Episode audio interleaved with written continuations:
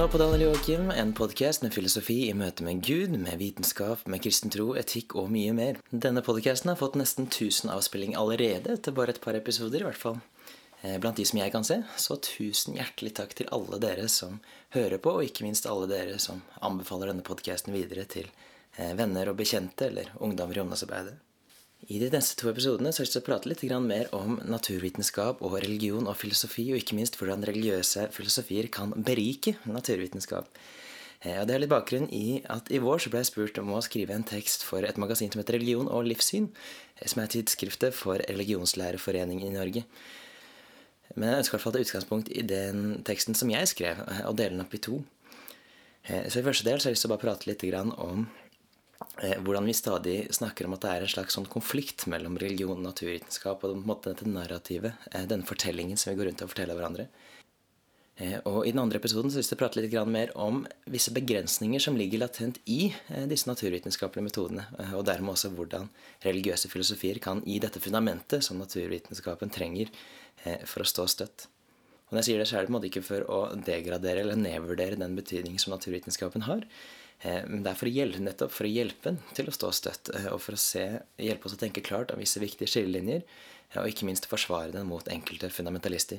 Eh, og her gjelder jo nå, som alltid, hvis du har noen spørsmål, hvis du har noen kommentarer, hvis du ønsker å invitere meg til å holde et foredrag, eller hvis du ønsker bare å ha en samtale, så gjerne send en mail til mailalfakrøll.danieljoakim.org. Så nå først religion versus naturvitenskap.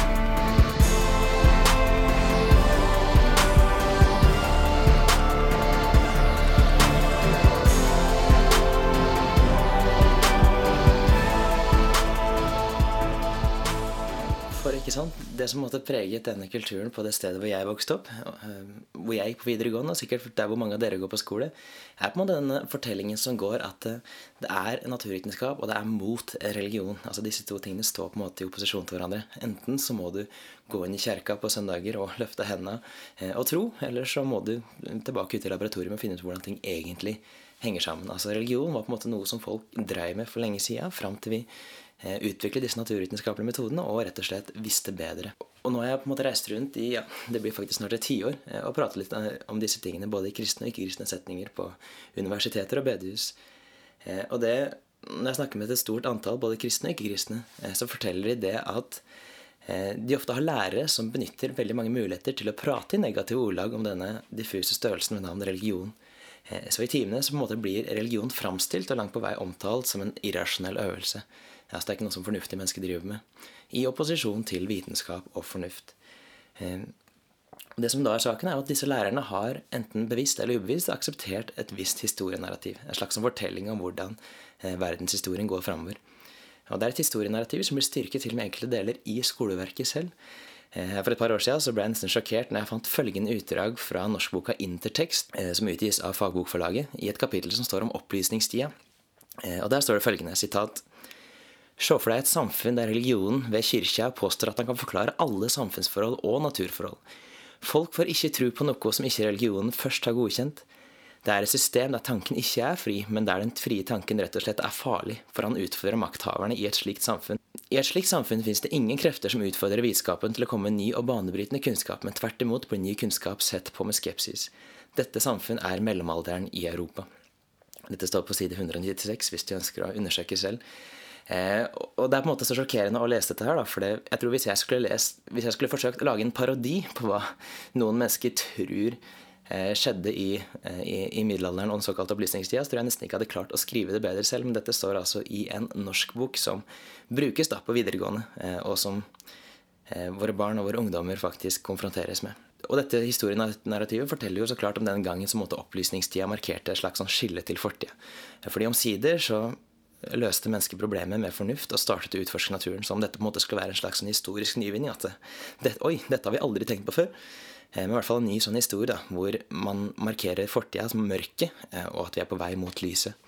Eh, fordi hvis du tenker over det, så denne, dette narrativet det ligner egentlig ganske mye på det kristne narrativet. Altså Det forteller på en måte en slags sånn skapelsesberetning et sted hvor vi kommer fra. Altså forteller den på en måte et slags sånn syndefall om hvor alt gikk galt. og I denne fortellingen så er på en måte det der der overtro, ikke minst der religion, kom inn i bildet. Men den forteller også en historie om frelse, om noe som blir rent, om noe som blir edelt igjen. Og ikke minst så forteller den, eh, peker den ut veien mot en ny himmel.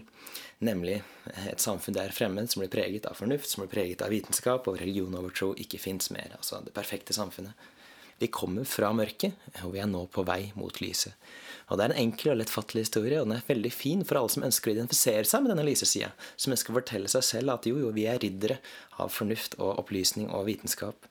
Men som de fleste andre enkle, lettfattelige og fine historieberetninger, så er den også dessverre ren fiksjon. Eh, og det er veldig lett å vise.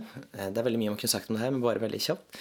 Eh, for å illustrere da, at mange av de klassiske filosofene, fra Aristoteles, som da lever 400 år før Kristus, til munken Thomas Akinas på 1200-tallet, fremhever nettopp fornuften som det fremste kjennetegnet ved mennesket.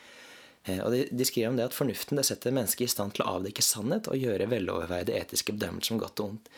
Eh, så den tanken om at fornuften måtte ikke oppta, komme inn i historien nærmest før på 1600-1700-tallet, den holder ikke veldig lenge når du faktisk begynner å undersøke filosofihistorien. Eh, og ja, det er ganske ukontroversielt en gang å hevde at fornuften hadde en mye høyere plass hos disse filosofene enn i dagens Vesten, som er herjet av ulike former for postmodernisme, for relativisme, for materialisme og for pragmatisme. Eh, for i mange religiøse tradisjoner så anses fornuft som noe grunnleggende positivt. Eh, en Guds gave, så å si. Det er noe som veileder troen, og som hjelper oss å leve i henhold til det sanne. For I den katolske kirke så er fidisme altså definert som tro uten fornuft. Det at du skal, eh, det at du skal ha en religiøs tro uten å kunne bruke fornuften din, det er bannlyst. Eh, du kan altså ikke være en katolikk samtidig som du forkynner fidisme offentlig. Og ikke minst, Dette vestlige fornuftsbegrepet det ble til i en logosentrisk eh, tradisjon. Og det vil måtte si at det ble utforma blant de antikke grekerne. altså Når de gamle greske filosofene prater om logos, så snakker de om noe som Eh, på en måte denne verdensfornuften, det som binder alle ting sammen, det som gjør ting forståelig for oss. Eh, og det, da, det kommer da inn i historien her, og så på en måte blir det videreutvikla i den kristne arven. Eh, og da Hvis du leser for starten av Johannes evangeliet, så står det at i begynnelsen av ordet, og det greske ordet for ordet, det er logos. Jeg skal fortelle om at I begynnelsen så var logos, eller var fornuft. da. I begynnelsen var fornuft, og alt ble til ved fornuft. Eh, og hele universet er skapt ved fornuft, men ikke minst at logos inkarnerer seg og blir kjøtt og blod og vandrer iblant oss. Altså at det blir til Jesus Kristus, at Gud har gitt av seg selv i dette skapte. Og ikke minst at vi alle har del i dens likhet, at vi er skapt i bildet til dette logos. Eh, så dette er en historiefortelling eh, hvor måte, fornuften er noe som ligger til grunnlag for universet, og hvor også vi har gode grunner til å tenke at mennesket kan være fornuftig. Så til forskjell på en måte fra antikken, hvor det var noen utvalgte filosofer, altså de som hadde råd, de som hadde tid og ressurser nok til å ikke trenge å slave for marken hele dagen, men som faktisk kunne sitte, eh, sitte og prate sammen. Eh, nå ble plutselig logos tilgjengelig for alle, eh, og ikke bare for noen få. Eh, vi hadde grunn til å tro at det kosmos som vi lever i, det er ordna, og det lar seg beskrive ved hjelp av visse sånne lovaktige regelmessigheter. Vi kan beskrive det til og med med matematisk presisjon. Og dette er på en måte en eh, idé som er forut for at en naturvitenskapelig revolusjon i det hele tatt kan skje. Så vitenskapshistoriker Edward Grant han er en av mange som hevder at moderne vitenskap og opplysningstida er helt umulig å forestille seg uten den plassen som fornuftens opphøyde posisjon hadde i middelalderen. Altså det som vi forteller hverandre at oi, dette var så mørkt, der kunne ikke folk være fornuftige. Så det er veldig merkelig, da. Denne tanken om at det skal ha vært noen konflikt mellom naturvitenskap og i hvert fall kristentro, den har den har stort sett vært avvist av nærmest enhver akademisk vitenskapshistoriker over et halvt århundre. Eh, en vitenskapshistoriker som heter Colin Russell han går så langt som å si at fordi måte denne forestillingen er så langt fra virkeligheten, så det eneste som trenger forklaring, er hvordan denne forestillingen oppsto i utgangspunktet. Eh, og det veit vi en god del om. Det får du høre litt om i episode to med Bjørn Are Davidsen og noen av de eh, vanlige, vanlige fortellingene som gjerne blir gitt. Men vi veit at det var visse populærforfattere da, som heter John Draper og Andrew Dixon White f.eks. Eh, som skrev bøker hvor de på en måte prøvde å skape denne forestillingen. Eh, som ikke hadde vært noe særlig tidligere kjent i historien. Eh, og dette er bøker som vi lenge har visst er fulle av historiske feil og diskrediterte hypoteser, men som mange av oss fremdeles tror på. Og det hjelper jo naturligvis hvis du ønsker å tro at dette er tilfellet, hvis du ønsker å fortelle deg selv at wow, jeg er en av disse ridderne av fornuft og opplysning. Eh, og jeg er en av disse som nedkjemper religion, for da, da blir det mulig. Så det er nok hvert fall ganske trygt å si at Kirken har stort sett forholdt seg til det som har vært rådende, velbegrunnede vitenskapelige paradigmer. Altså så klart med noen unntak. Men det er også ganske trygt å si at per dags dato så finnes det ikke ett eneste dokumentert tilfelle av at kirken i middelalderen har forfulgt personer for å drive vitenskap. Den har forfulgt i andre grunner, naturligvis, men ikke for å drive vitenskap. Og hvis du har et eksempel, så må du gjerne komme med det. Så kan vi prate om det i en fremtidig episode, eller så legger jeg meg flat dersom jeg faktisk, dersom jeg faktisk har feil. Men et siste og også annet viktig poeng å få med seg er jo eh, den størrelsen religion. Altså Hvis vi skal si at det er en konflikt mellom religion og naturvitenskap, så må du ikke bare ha en forklar formening om hva naturvitenskap, men du må også ha en klar formening om hva religion er. Eh, men problemet er jo at i, hvis man leser litt religionsvitenskap i dag, så er det notorisk vanskelig å definere hva denne størrelsen religion egentlig er. På en måte som meningsfullt holder ja, de tradisjonelle verdensreligionene, kristendom, jødedom, Eh, islam, hinduisme, buddhisme, de som vi ønsker å ha med innafor, men som holder f.eks.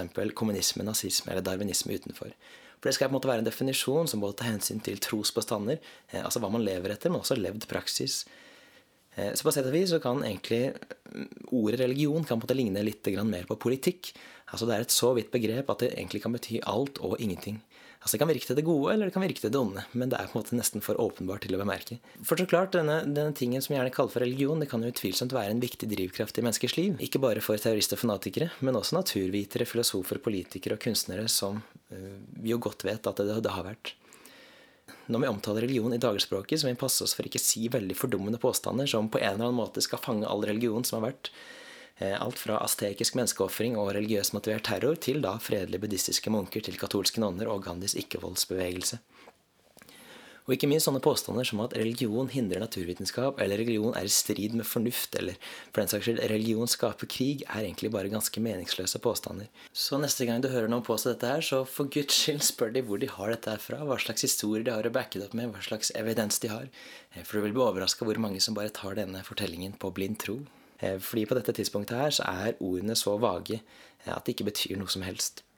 For jeg tror til syvende og sist, Hvis vi måte skal prøve å komme til kjernen av hva vi egentlig mener når vi snakker om religion, så snakker vi egentlig bare om en slags sånn aktivitet som er dypt menneskelig. Nemlig det at alle vi mennesker eh, søker sannhet, godhet og mening. Altså Vi ønsker å forstå virkeligheten. Vi ønsker å måtte ha en overhengende historie som setter ting i system, og som binder ting sammen.